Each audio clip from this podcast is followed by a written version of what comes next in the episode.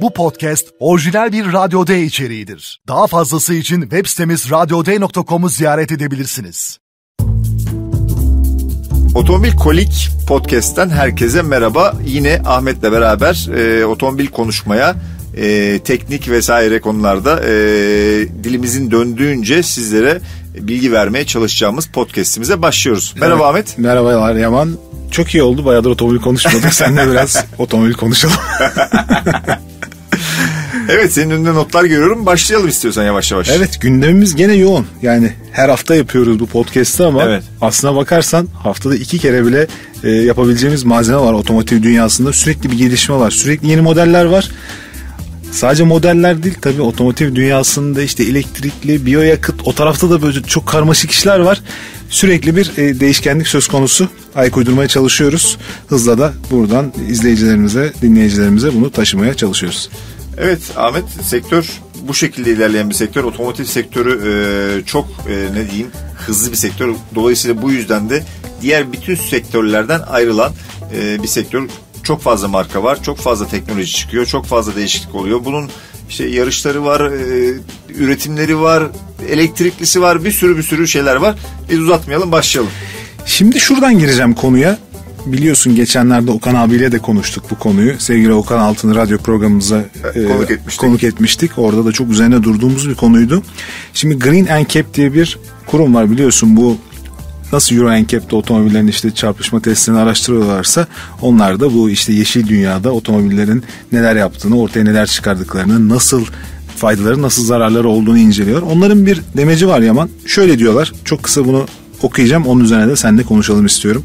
Son 10 yılda satılan araçların ortalama ağırlığı yaklaşık %9 oranında artmış. Yani 100 kilo artmış.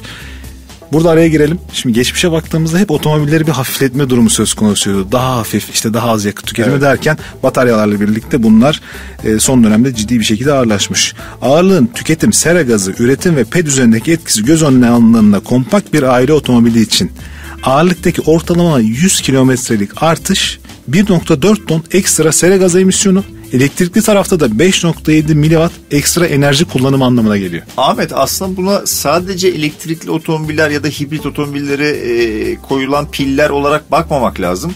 Bence sektörde e, şöyle bir problem var. Otomobiller büyüyor. Evet. Otomobiller büyüdükçe e, güvenlik önlemleri ona göre vesaire her şey arttığı için dolayısıyla ağırlık da artıyor. Aslında e, demin söylediğin Euro NCAP muhabbetinden yola çıkarak aslında Euro NCAP'te herkes 5 yıldızı almaya çalışıyor. İşte bunun için tabii ki e, hava yastıkları, teknolojik sistemler vesaireler derken aslında otomobilde kullanılan parçalar, kablolar vesaireler hepsi artıyor. Ve bunun da etkisiyle ağırlıkta doğal olarak artmaya devam ediyor. Senin söylediğin ne ek olarak şunu yapabiliriz. Evet geçmişte otomobiller hafifletilmeye çalışıyordu. Şu anda mesela ilk çıkan Golf ile 7. 8. nesil Golf'ü yan yana koyalım. İkisinin Volkswagen Golf'ten bahsediyorum. İkisinin boyutları arasında çok ciddi farklar var.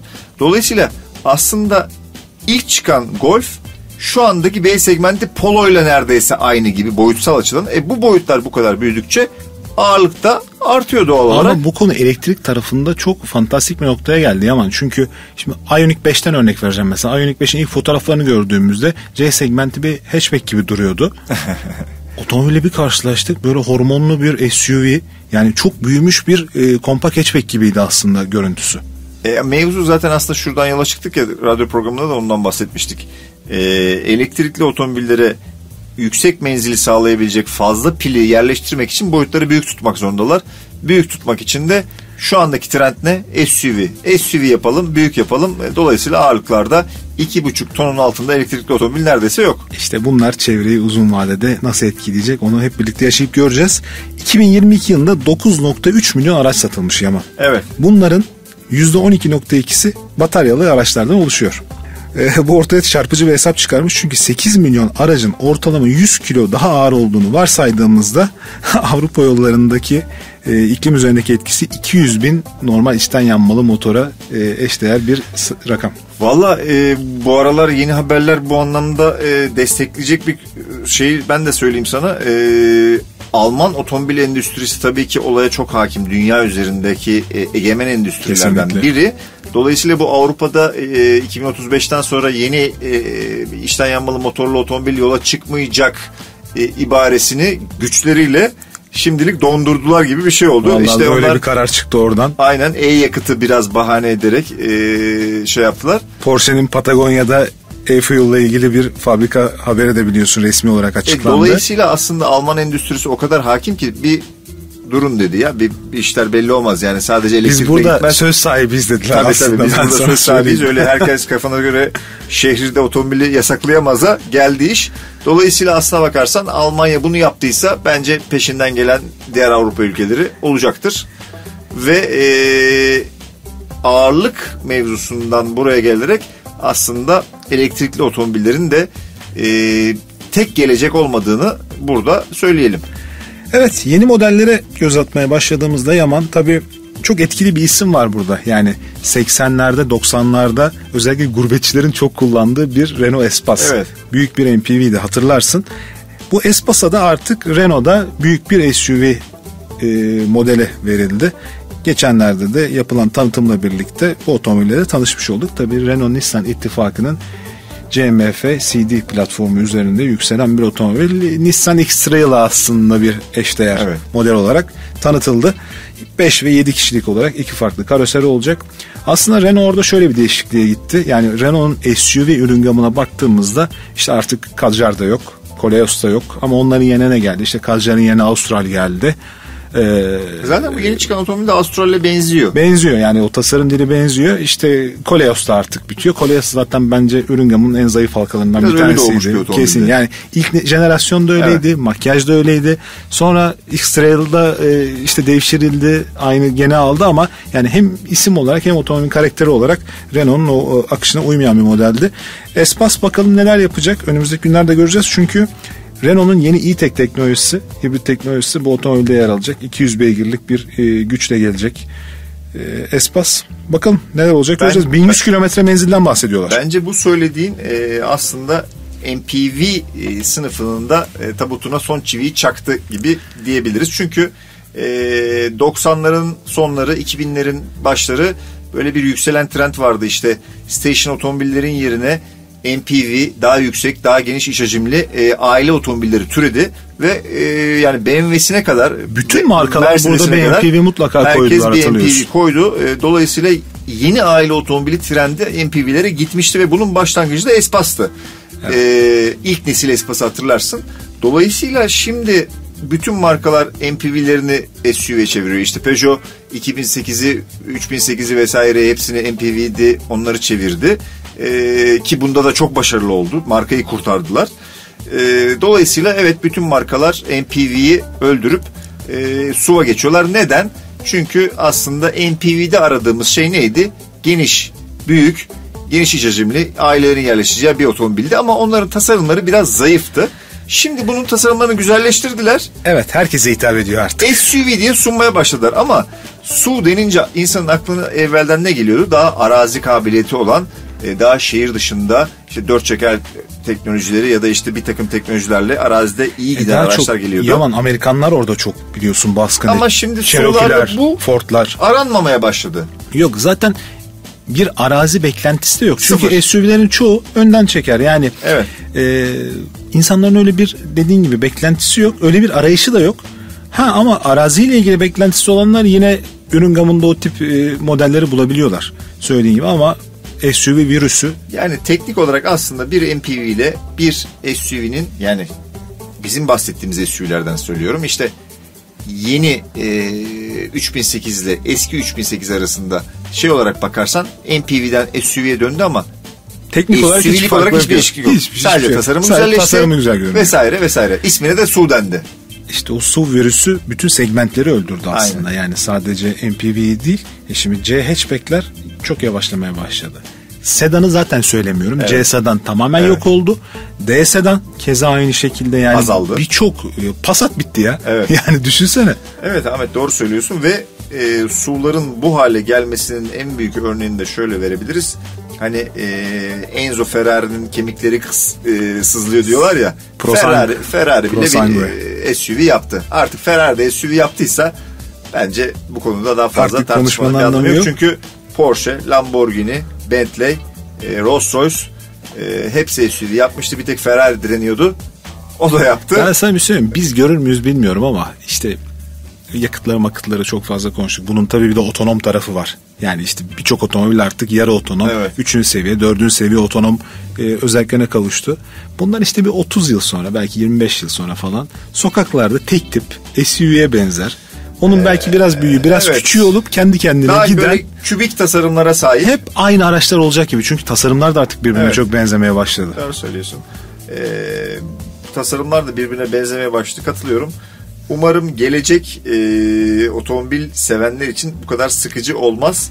Çünkü biz e, otomobilin iyi dönemlerini yaşadık. Yaşamaya da devam ediyoruz. E, umarım gençler Ama Yaman bu kırıntılar devam etmeye e, bu kırıntılar hali hazırda devam ediyor. Çünkü Lamborghini tarafında geçen gün açıklanan biliyorsun ki yepyeni hibrit aracı markanın ilk hibrit aracı Revuelto var. Evet, e, Lamborghini de e, hibrite bir şekilde girdi. Hala Daha bizi evvelden- heyecanlandırmayı başaran Evet çünkü hala üretiliyor. V12 ile devam ediyorlar. Aynen. Ee, o V12'den vazgeçmiyorlar. Dolayısıyla tasarımda bence e, güzel olmuş. Hani Aventa, Aventador'un daha moderni, daha güzeli. Yani gibi. aslında Lamborghini'den yani işte biz orada biraz seninle hep aynı dili konuşuruz da biraz daha Ferrari'ciyiz. Yani o Ferrari Evet, tasarımlarını beğeniyoruz. Lamborghini tabii ki o süper spordaki başarısı ve yeri yatsınamaz bir gerçek ama e, özellikle bu yeni otomobil Revuelto tasarım olarak çok farklı. Yani markanın o tasarım çizgisinin çok dışında fotoğraflar falan acayip etkileyici. Benim dikkatimi de şu çekti Ahmet. Ee, McLaren otomobil yani süper spor üretmeye tekrar geri döndükten sonra bir iç mekan dili yerleştirdi. Ortada ince uzun bir e, ekran. Dikey o ekran. ekranın altında düğmelerle vites vesaire seçiciler. Şimdi dikkat ediyor musun? Ferrari Roma'da döndü buna. Evet, hepsinde şimdi ortak bir dil. Lambo'da e, yeni otomobilde böyle bir iç mekana dönmüş. İçeride evet benzer Evet bir yani dil var. Dışarıdan tabii çok burada bir trendi belirledi gibi oldu. Biraz öyle oldu. Lambo'ya geri döndüğümüzde tabii teknik olarak müthiş bir otomobil. Yani bundan 10 sene önce bir 1000 beygir deseler sana Evet. böyle çok uçuk gelirdi. Şimdi 1015 beygir bu otomobil. Ama şöyle bir hesap var. Kilo başına 1.75 kilo başına bir beygir düşüyor. Yani hızlı bir racing motordan pay biçelim. Kilo başına bir beygir. Evet. Düşünsene. Yani 1.75 kilo başına bir beygir. Korkunç bir şey. 0-100 km hızlanması 2,5 saniye. aslında artık rekabet 0200 0300'e kaymaya başladı. Bu otomobilin 0200'ü falan rakamları da acayip. Artık yüz ölçülemeyecek. Yüz Ben ölçülemeyecek sana- hale gelecek. Çünkü dediğin gibi elektrikler de girdi işin içine 1.9'lara kadar düştü iş. İnanılmaz. Ama 2.5'da e, eskiden bir Formula 1 otomobili gibiydi. Ben sana bir şey Formula 1 otomobilini geçebilir. Kalkışta ilk başta bir burnunu gösterir değil mi? Evet vallahi yani. 350 kilometrede maksimum hızı var. Evet. Çok etkileyici. 13 farklı sürüş modu, 400 farklı renk mesela. Ona ben çok şaşırdım. 13 13 farklı tane- sürüş modunu ben de okudum. Ne koydunuz dedim, yani, Ne, ne mi? koydunuz bu kadar? Ee, Valla no- nedir bizim bildiğimiz? İşte Corsa modu vardır, Racing modu vardır, işte ekonomi modu vardır, Evet abi. normal mod vardır vesaire. Dörttür, beştir. Bence bu racing modları kendi içinde çok ayrışan bir hal aldı. Tabii detaylar ortaya çıkınca biz de Ama bu, öğrenmiş bu olacağız. tohumları da Porsche ekti.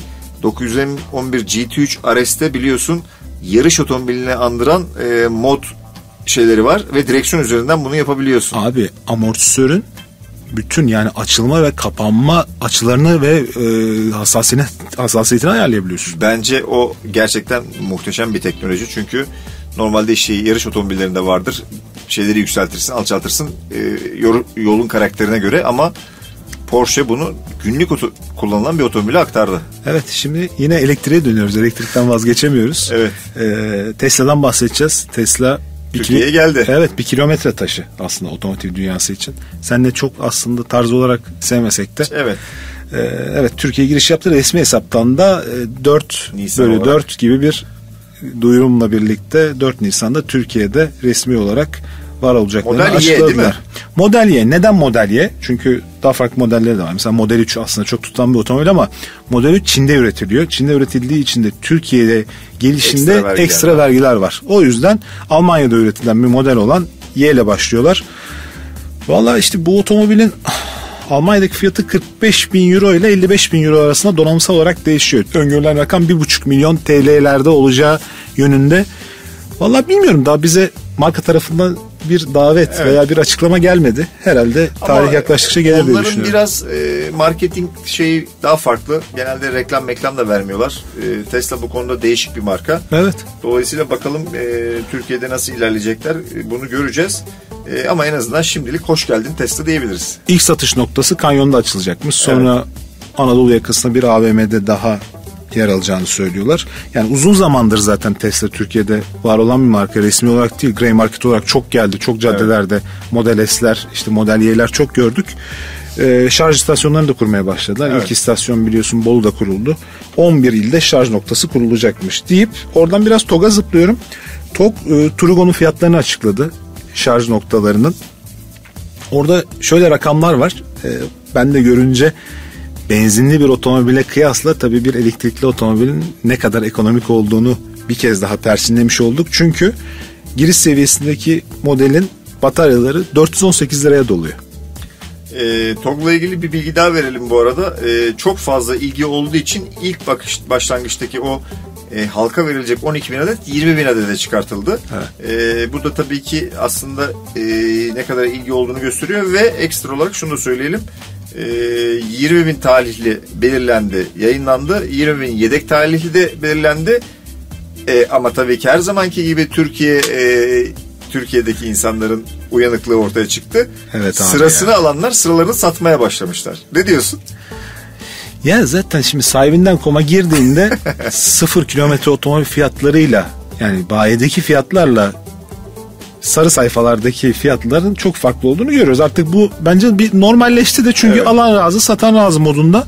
Ama tabii TOG'da böyle bir şey olması Sıra o- satılması da 30 bin TL'ye İddialı. sıra satılıyormuş. evet iddialı. Aldığımız son haberler bu yönde. Bu, bu da bence tutar diye düşünüyorum. Tutabilir. Sarı sayfalarda şu ilanları görüyorum çünkü. Aracım TOG alacağım için satılıktır. Onları da gördük.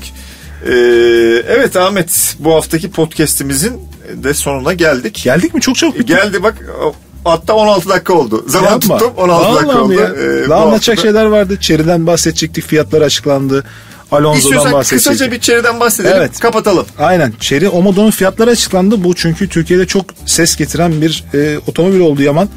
Biz de seninle testini Ve gerçekleştirdiğimizde tahminimiz doğru çıktı. tahmininiz valla doğru çıktı. Çünkü e, lansman fiyatları tabii şu an avantajlı ama otomobilin normal fiyatları tabii ki yani biz 1 milyon TL civarında olur demiştik. 980 bin lira 980 normal oldu. fiyatı. Ama şu anda lansman fiyatlarıyla o modoyu giriş seviyesinde 810 bin liradan üst seviyede de 930 bin TL'den satın alabiliyorsunuz. Tigo tarafında da e, 1 milyon 50 bin TL gibi bir rakamı var.